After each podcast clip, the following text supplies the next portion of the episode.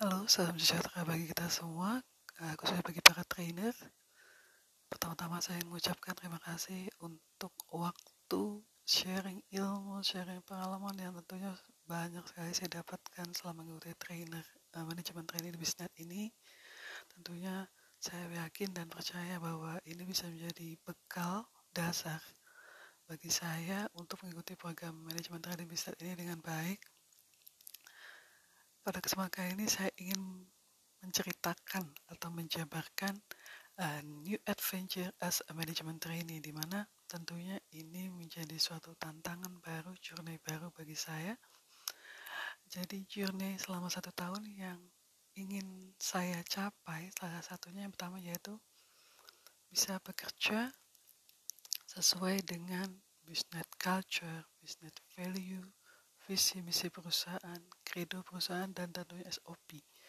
Di mana saya yakin bahwa uh, setiap perusahaan punya aturan kerja, punya kultur kerja, punya standar prosedur prosedur yang harus dipatuhi, harus diikuti sebagai pedoman untuk bertindak, berkata-kata, mengumpulkan pekerjaan, berinteraksi. Uh, tentunya ini akan membantu saya justru sebenarnya untuk bisa menyesuaikan diri mungkin dari kultur kerja di tempat kerja yang lama menjadi yang baru. Kemudian main point kedua saya adalah saya bisa memahami setiap workflow pekerjaan yang ada di business branch. Salah satunya dari area koordinator itu seperti apa sih?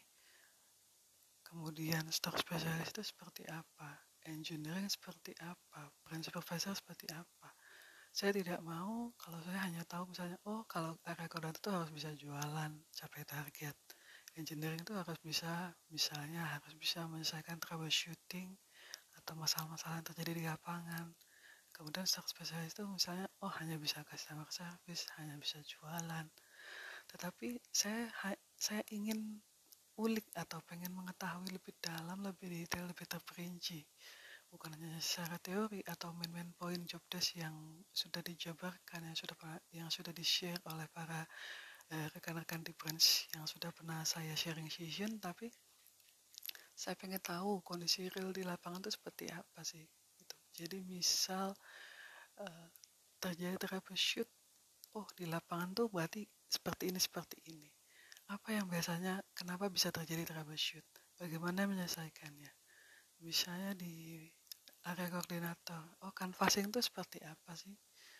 Misalnya uh, roadshow kita bikin direct sales, bikin direct, uh, show apa roadshow, bikin event itu seperti apa, skemanya seperti apa, persiapannya seperti apa. Setelah selesai pun kita report seperti apa, hasil apa yang diharapkan. Dengan demikian uh, balancing antara teori maupun praktek di lapangan kita dapat mengerti dengan jelas. Kita dapat bisa mengambil keputusan dengan baik dan benar jika kondisi tersebut terjadi di lapangan. Kemudian main point yang salah satunya dari area koordinator atau mungkin dari sisi marketing and sales yang saya ingin pelajari sekali adalah memahami betul topologi area brand saya. Dengan demikian, saya bisa memahami secara maksimal potensi apa yang ada di brand saya. Misalnya, area brand saya ter daerah area brand saya ini paling banyak apa? Ada sekolahan kah, mall kah, apartemen kah, perumahan kah? Mengapa ini penting? Tentunya dengan begini uh, saya mungkin bisa membantu mensupport dari tim area koordinator untuk melihat bahwa potensial market kita itu sebenarnya siapa sih daerah branch kita. Kemudian bagaimana caranya kita bisa penetrasi ke pasar masuk atau cara marketingnya seperti apa yang paling pas yang bisa kita gunakan untuk potensial market yang ada di area branch kita. Kemudian dari situ tentunya kita bisa mencapai tujuan bagaimana kita mencapai target market yang sudah ditentukan perusahaan untuk masing-masing branch. Kemudian main point lain yang ingin saya capai selama journey saya dalam satu tahun menempuh program manajemen training di bisnet adalah di mana saya ingin bisa menerapkan leadership dalam diri saya yaitu dengan dua uh, core point yang pertama yaitu mampu bekerja sama. Mengapa mampu bekerja sama ini sangat penting? Uh, di mana jika saya nanti menjadi seorang leader, saya harus bisa berkomunikasi, saya harus bisa bekerja sama, harus bisa kolaboratif dengan rekan-rekan dari berbagai departemen, rekan-rekan yang satu tim dengan saya. Bagaimana saya harus bisa berbicara, mengajak kerjasama, duduk bareng kalau ada masalah seperti apa penyelesaiannya. Sehingga semua pekerjaan dapat menjadi lebih ringan karena kita mengajarkan secara tim player bukan individual. Kemudian uh, yang kedua dari leadership yaitu saya ingin uh, punya skill terutama di problem solving. Karena problem solving ini bukan hanya berkaitan oh mampu menyelesaikan masalah. Oh masalahnya ini ini ini seperti ini.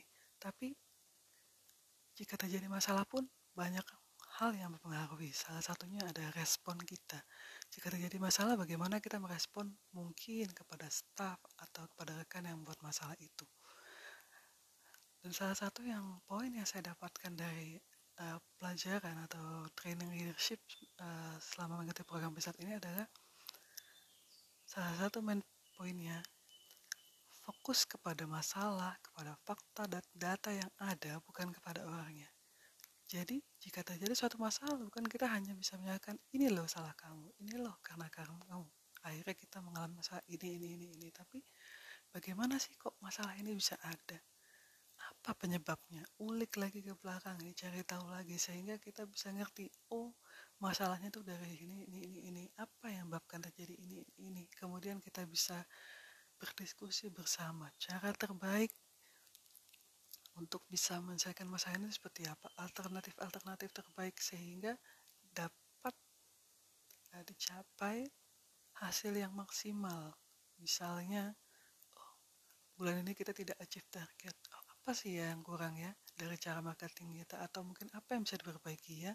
Seperti apa untuk bisa improve yang tentunya bisa mencapai target market atau target yang sudah tentukan perusahaan bisa kita achieve di masing-masing branch yang sudah kita pegang seperti itu.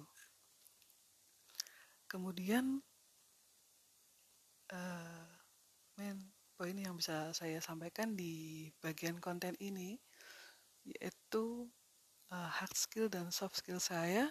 Mungkin saya akan jabarkan lebih dari uh, lebih penggabungan dengan SWOT yaitu strength, weakness, opportunity, and threat analysis. Jadi self SWOT dari diri saya sendiri.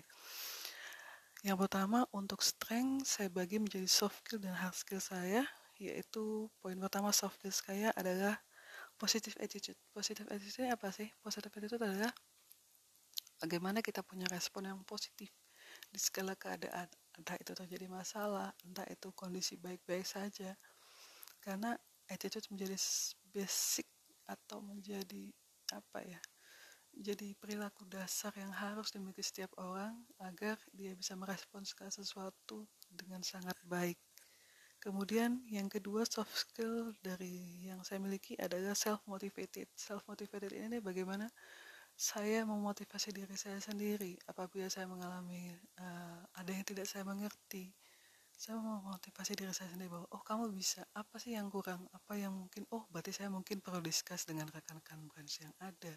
Oh saya kurang paham nih misalnya di engineering. Saya cari free time bagaimana mungkin saya bisa ngobrol-ngobrol dengan tim-tim engineering supaya lebih paham oh kalau di lapangan tuh kalau kayak jadi seperti ini itu seperti apa ya oh saya bisa saya bisa saya bisa.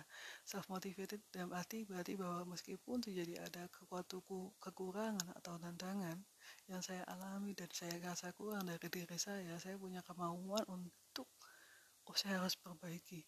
Saya harus kejar apa knowledge yang perlu saya tahu untuk mendukung pekerjaan saya di bisnis ini.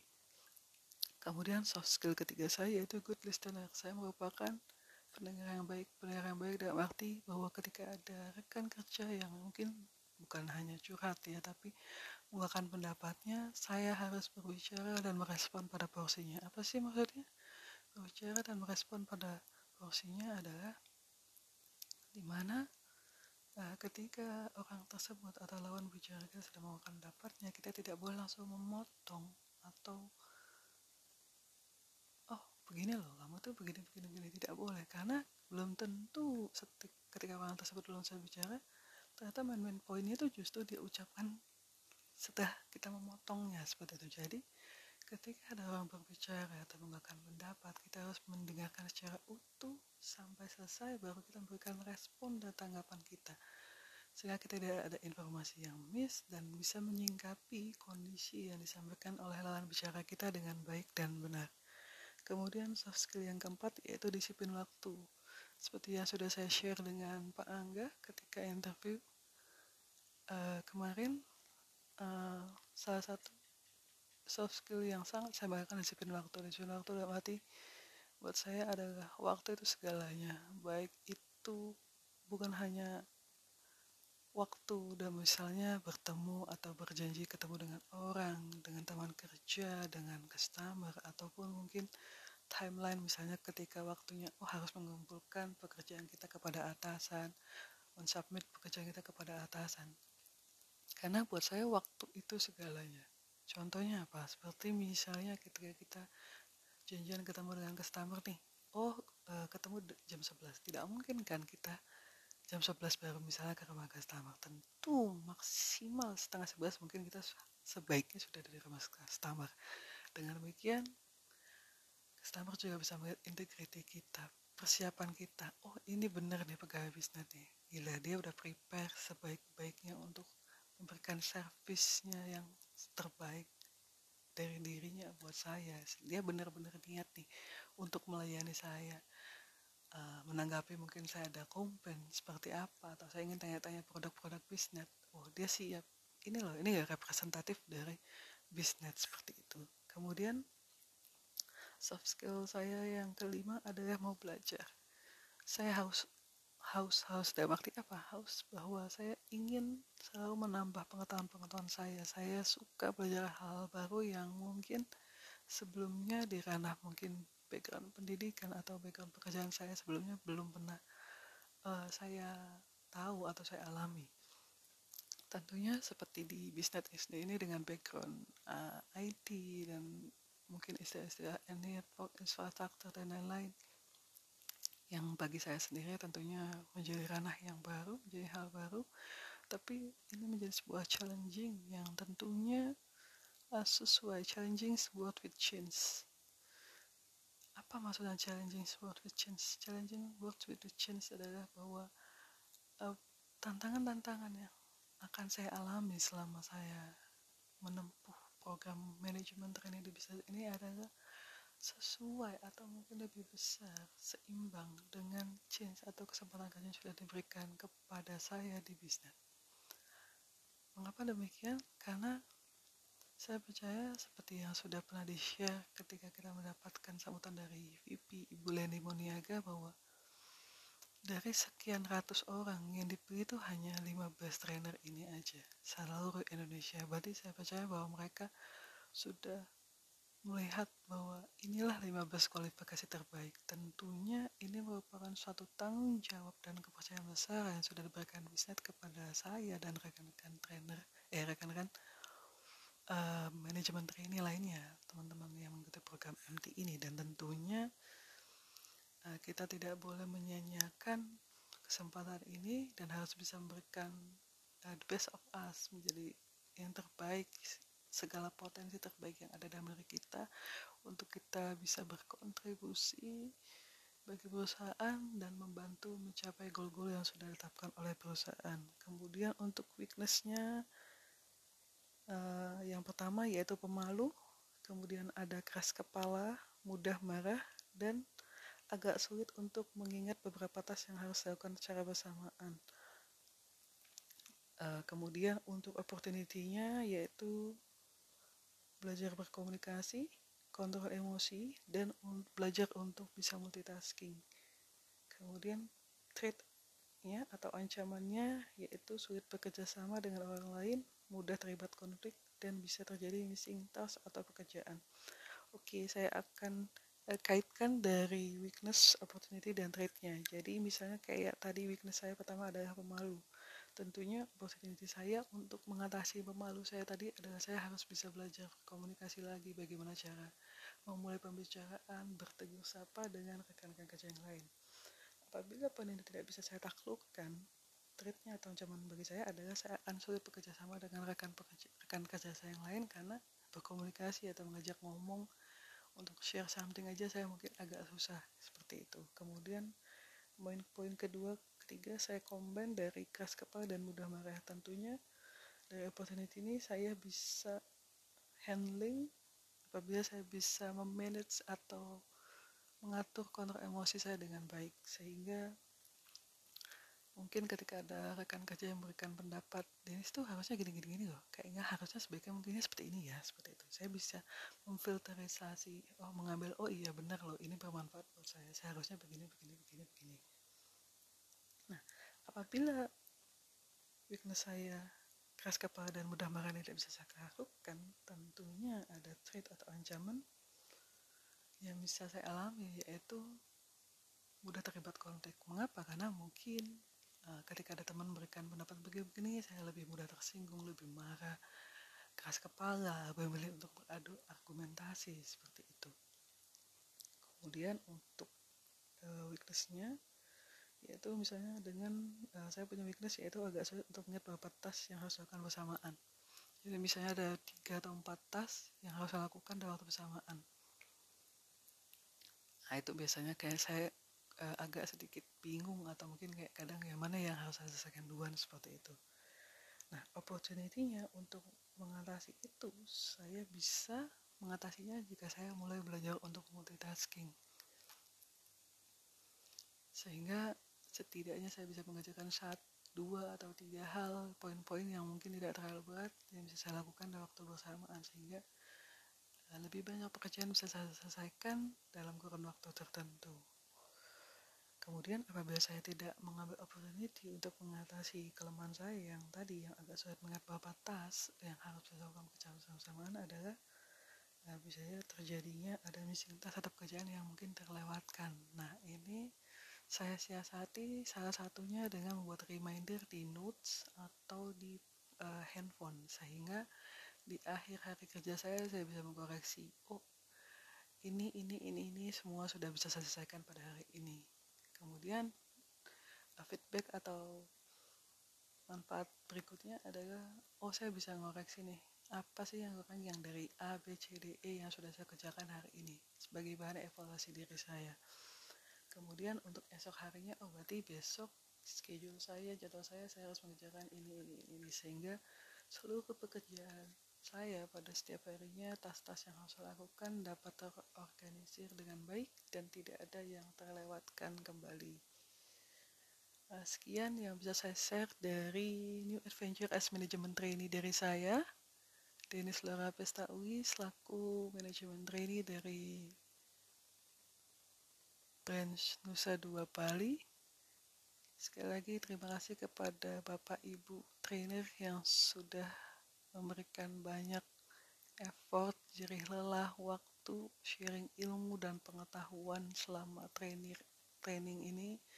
Saya mengucapkan terima kasih sekali dan mohon maaf apabila mungkin masih ada kekurangan dari saya sebagai yang ditrainingin, respon yang mungkin kurang aktif atau seperti apa saya akan belajar berusaha untuk selalu menjadi lebih baik lagi sehingga saya bisa maksimal di program manajemen training ini.